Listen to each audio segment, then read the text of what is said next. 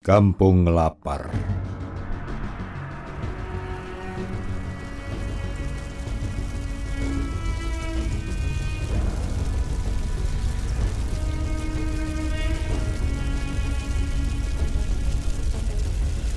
Setelah mendengar sebuah cerita, Mahisa tak jenak lagi memejamkan kedua matanya. Apalagi makan dengan tenang.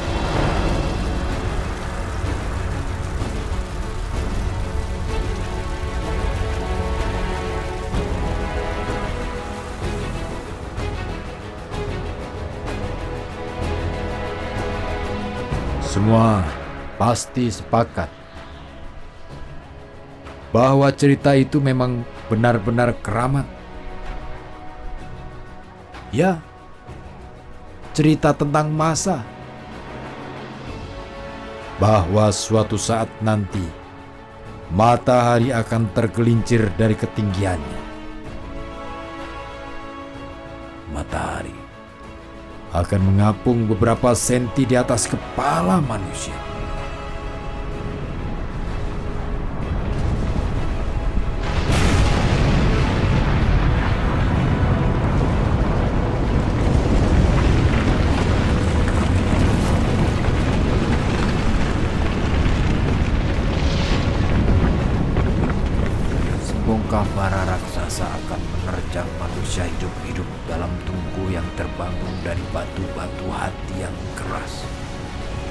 Panas akan terus menikam, keringat akan terus mengucur.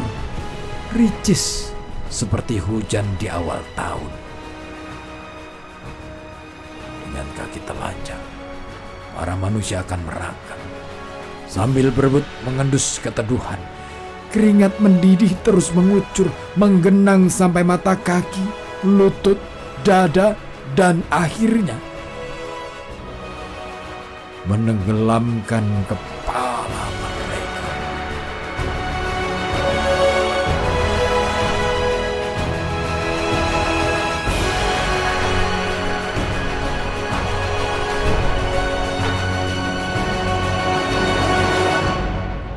Maisa tercenung di depan meja makan yang megah. Meja makan berbentuk lingkaran yang terbuat dari batu marmer.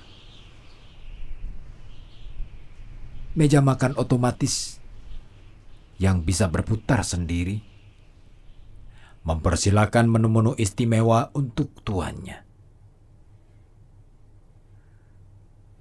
Mata Mahisa menilik satu persatu piring, mangkuk, dan cawan berkaki yang semuanya berisi.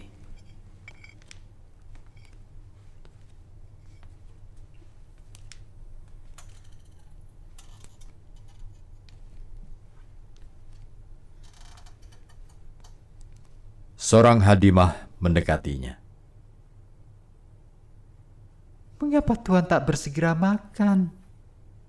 Mudah nyonya pasti akan memarahi saya jika Tuhan tidak jenak makan. Hanya karena menu masakan yang saya sajikan kurang menarik. Bukan, bukan itu, Bi. Uh, hmm, uh, uh, Bi, Bibi pernah kelaparan? Maisa balas bertanya. Mengapa Tuhan menanyakan itu? Uh, karena saya belum pernah. Bibi pernah. Syukur Alhamdulillah. Sejak bunda nyonya kecil, Bibi sudah ikut keluarga ini. Dan Bibi maupun keluarga Bibi belum pernah mengalami yang namanya kelaparan. Ya, nauzubillah, Tuhan. Kok nauzubillah? Memangnya rasa lapar itu sangat menakutkan ya, Bi? Rasa lapar itu lebih mengerikan dari apa pun. Rasa lapar datang dari perut, dan perut adalah ibu dari segala kelaliman. Maisa tercenung.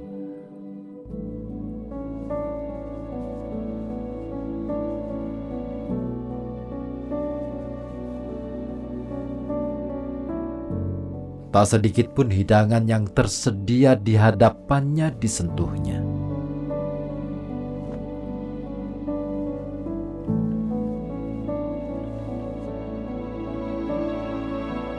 Ia membayangkan matahari mengapung beberapa senti dari kepalanya. Ia bergedik ngeri.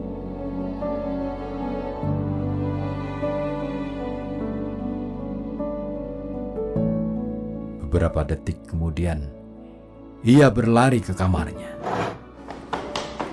Tuan, Tuan kenapa? Mau ke mana? Tuan, Tuan. Bibi mengejarnya.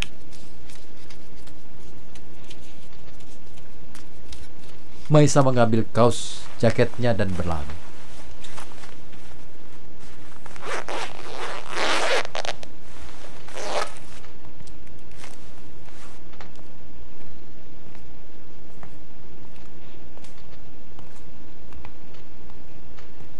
Maaf Bi, saya ingin jalan-jalan.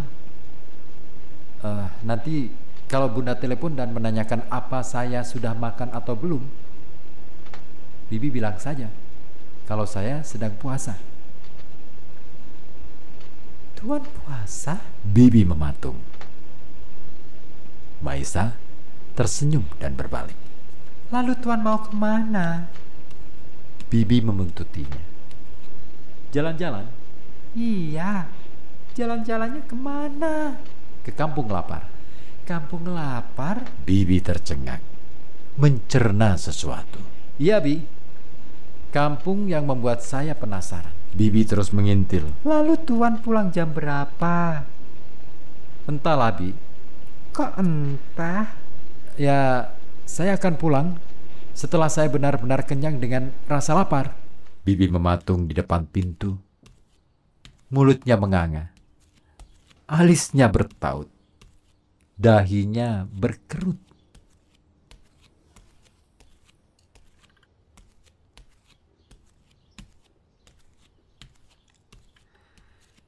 Maisa bergegas meninggalkan Bibi yang masih mematung di depan pintu. Ia sengaja meninggalkan kunci mobilnya di kamar. Ia hanya ingin berjalan. Benar-benar berjalan dengan dua kakinya yang telanjang.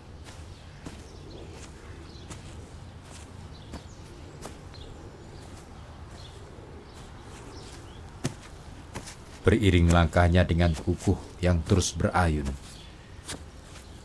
Sesuatu yang ada dalam kepalanya meletup-letup. Ia telah hidup puluhan tahun. Dan bagaimana mungkin ia tak pernah merasakan lapar?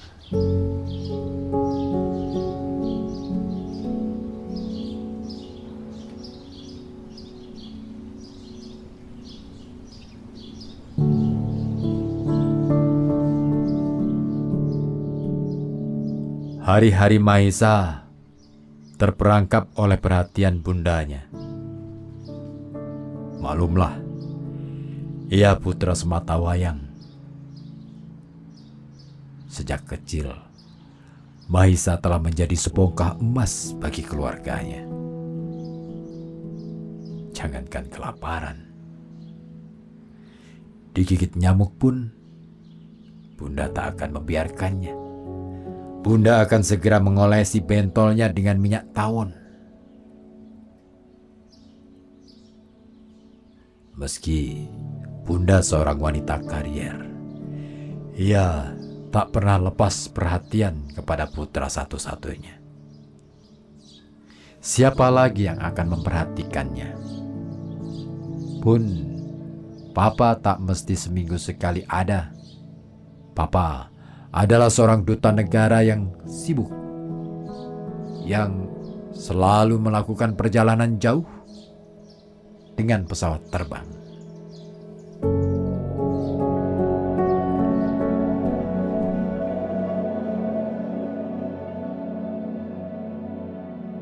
Ketika Bunda Nyonya berangkat kerja, Semua keperluan Mahisa telah dipasrahkan kepada Bibi, orang kepercayaan keluarga. Tak lupa, 3 sampai 5 jam sekali, Bunda Nyonya menelpon dari kantornya. Menanyakan apakah Mahisa sudah makan dan minum vitamin, atau dia pergi ke mana dan dengan siapa, lalu ngapain saja, pulang jam berapa. Begitulah rentetan pertanyaan Bunda untuk Mahisa. Terkadang Mahisa mulai merasa jenuh. Bukan, bukan jenuh. Mahisa hanya merasa kurang nyaman dengan perhatian Bunda yang berlebihan. Ia bukan lagi bocah belasan tahun, tapi apa pun keputusan Bunda. Maisa selalu menghormatinya.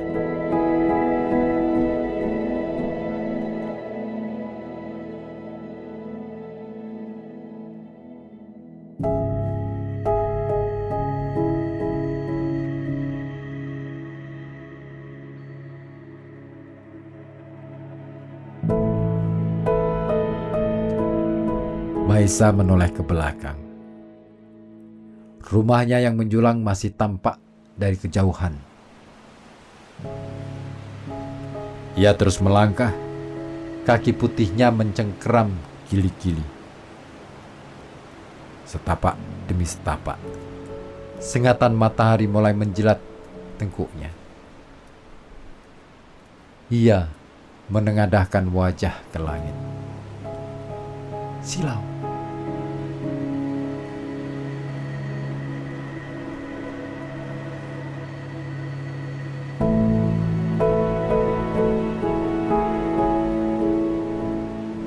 Kakinya terus berayun dari trotoar, sesekali meloncat ke jalan beraspal yang membara seperti panggangan stik. Detik-detik menggeliat kepanasan, menit dan jam berlalu menjadi bulir-bulir keringat, seperti asap yang terjebak dalam tungku.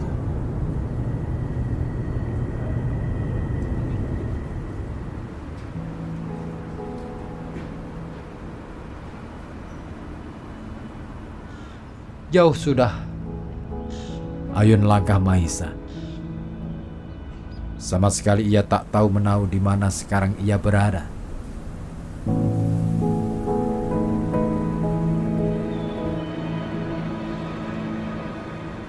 Baru saja ia melewati perbatasan kota kedua.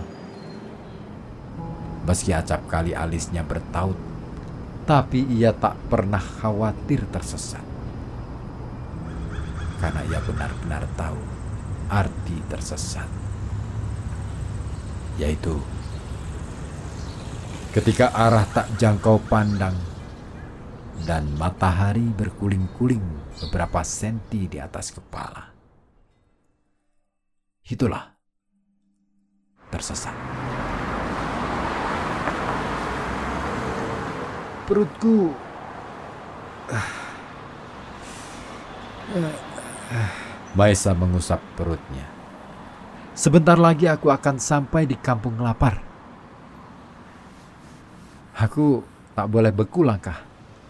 Kaki Maisa kini berayun dengan runtun. Bagai langkah pas kibra.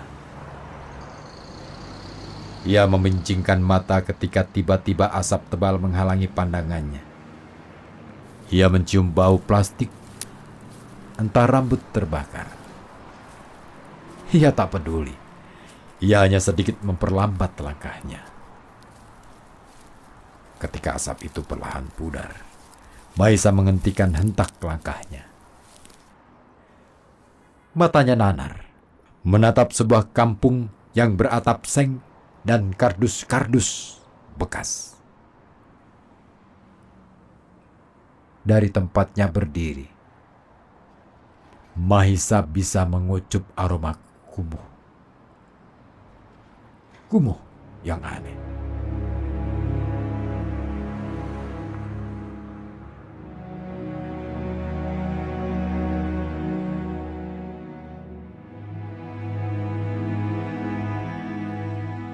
Maisa kembali menggerakkan kakinya. Ia melewati gundukan sampah yang menggunung di dekat pintu masuk kampung.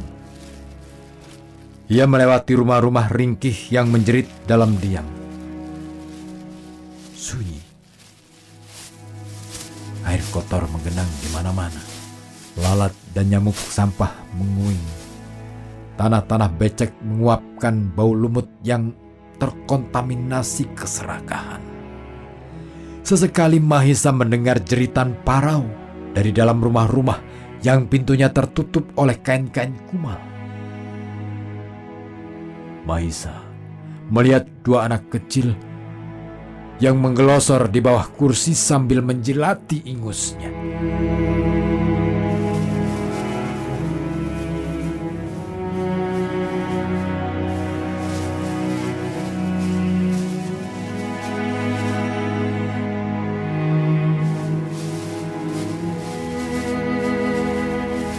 Berikutnya, ia menyaksikan ibu-ibu tua yang menyuapi anaknya yang busung lapar dengan makanan yang dikerubuti lalat.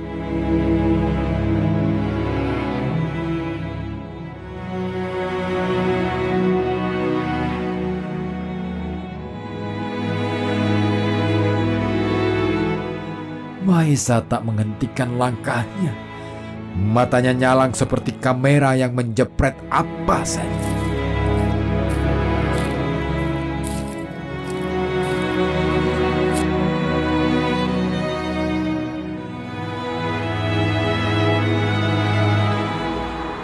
Langkah berikutnya.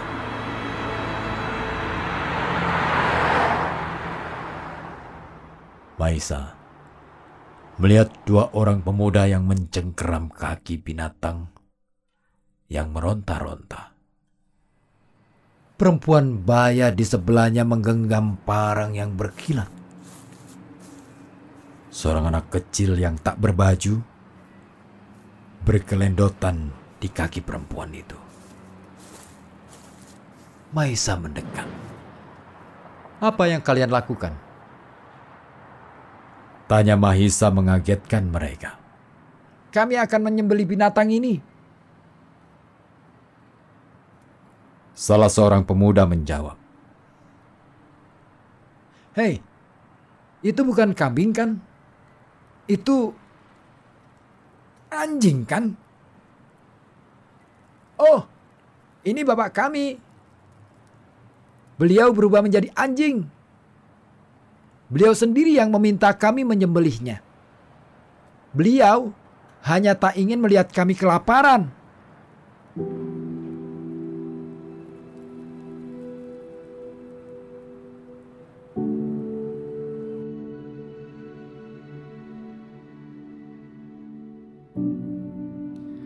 Maisa terhenyak dan nyaris muntah. Ia bergegas meninggalkan gerombolan itu dengan kaki mulai gemetar. Beberapa kali perutnya berkeriuk, berkabar tentang rasa lapar yang sebenarnya. Maisa mempercepat langkah kakinya. Tergesa, ia terhenyak serta merta menghentikan langkah ketika kakinya menyandung sesuatu. Sebuah kardus. Kardus yang tertutup kain tipis seperti taplak meja.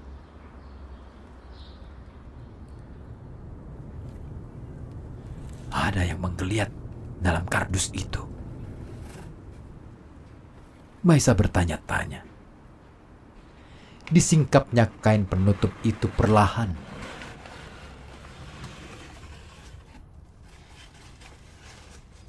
Sogok bayi merah menggeliat menendang-nendang dinding kardus. Maisa miris melihatnya. Dadanya sesak ketika telunjuknya mendekat. Hendak menyentuh tangan bayi itu. Maisa benar-benar tak percaya. Bayi itu bisa bicara. Bayi itu mengaku sengaja dibuang ibunya karena tak punya cukup biaya untuk membeli susu atau sekadar pisah.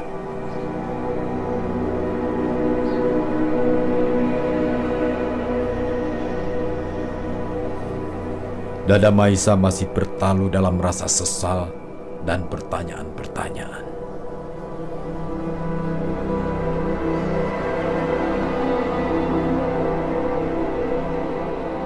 Ketika matanya menengadah ke langit, ia merasakan bahwa matahari yang berpijar di petala langit tampak lebih besar dari yang seharusnya, lebih dekat.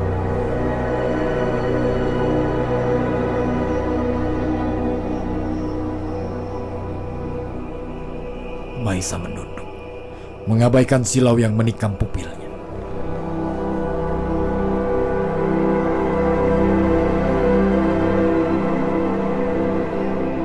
Maisa menjerit sekeras-kerasnya. Ketika kardus berisi bayi di hadapannya, lenyap di bawah lari seekor anjing.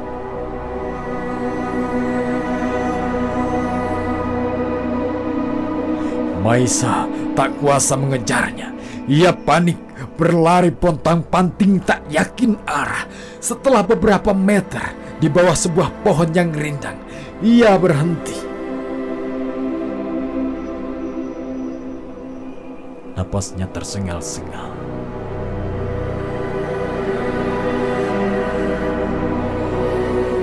Kali ini perutnya terasa menciut. Khususnya mengering, melilit lambung dan tulang.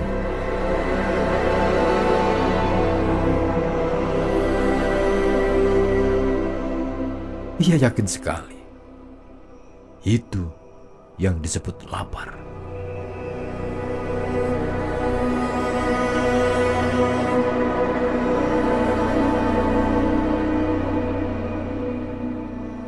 Mahisa melempar paku pandangnya jauh.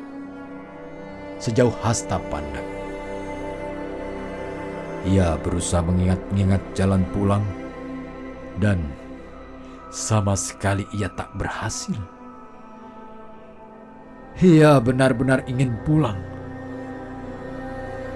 Bukan untuk memenuhi perutnya dengan makanan. Maisa hanya ingin membawakan makanan yang melimpah di rumahnya kepada orang-orang itu, orang-orang yang dihantui rasa lapar dan kematian.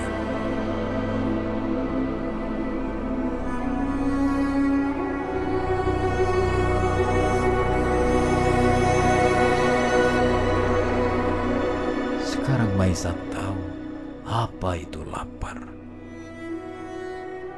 Pantas saja dalam cerita itu, orang-orang yang tak peduli dengan saudaranya sesama manusia yang kelaparan, kelak tak akan dapat naungan ketika matahari benar-benar didekatkan sampai beberapa senti di atas kepala mereka. Ya, Maisa tak ingin mencicipi matahari memberangus kepalanya Selebihnya, Maisa hanya ingin berbagi. Tapi bagaimana? Ia benar-benar tak ingat jalan pulang.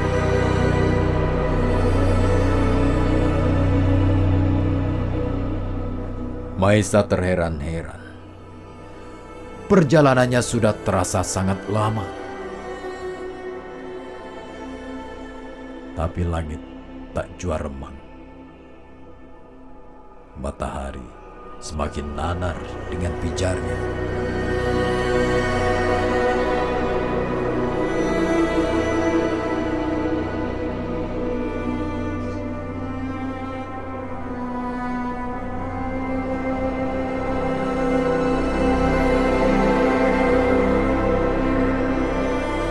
Maisa memutuskan untuk kembali meneruskan perjalanannya.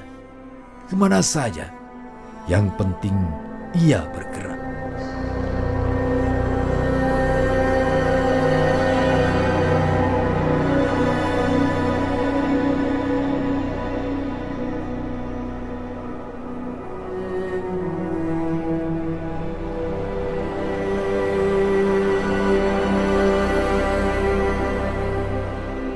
Maisa memutar haluan sampai ia menemukan kembali perbatasan kota. Di sebuah gerbang tugu, ia membaca tulisan. Selamat datang di kota kenyang. Ya, itulah kota tempat ia tinggal selama ini.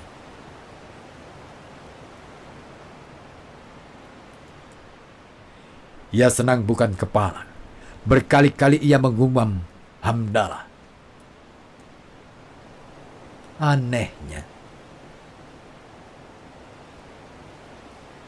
setelah memasuki perbatasan, Maisa tak menemukan satu rumah pun, tak juga pepohonan atau jalan-jalan beraspal. Sejauh mata memandang, yang ada hanya hamparan pasir serupa gurun. Maisa mengayun langkahnya penuh keraguan-raguan. Ia bertanya-tanya apa yang telah terjadi dengan kota ini. Apa ini sebuah mimpi?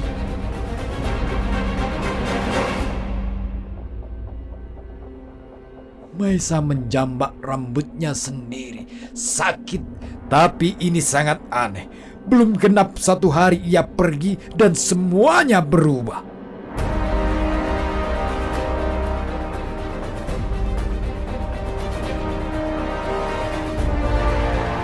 Tukang sulap mana yang bisa menyulap kota menjadi padang gersang?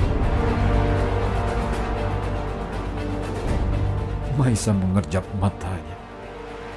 Hawa panas kembali menyengat tengkuknya. Maisa sendiri merasakan dulu kota tempat ia tinggal tak pernah sepanas ini. Apa karena padang pasir ini?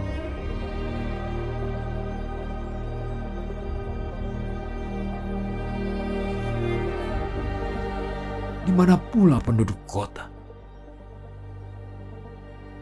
Ia tak melihat seorang pun di sana.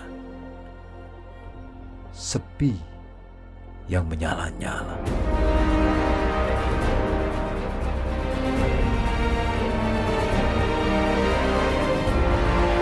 Setapak demi setapak, Maisa menggerakkan langkahnya. Ia sangat khawatir dan takut. Ia menengadahkan kepalanya ke langit. Silau. Matahari tampak lebih besar dari biasanya. Lebih dekat.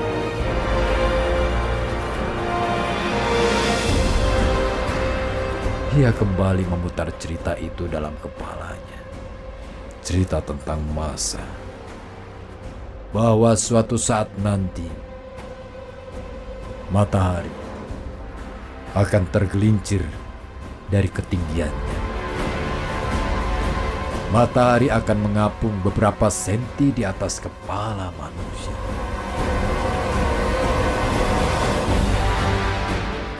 Sebongkah bara raksasa akan berputar-putar di atas kepala manusia. Panas akan terus menikam.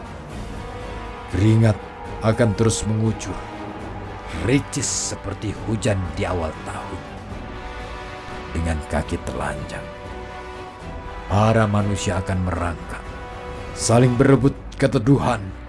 Keringat mendidih terus mengucur. Menggenang sampai mata kaki. Lutut. Dada. Dan akhirnya menenggelamkan kepala mereka.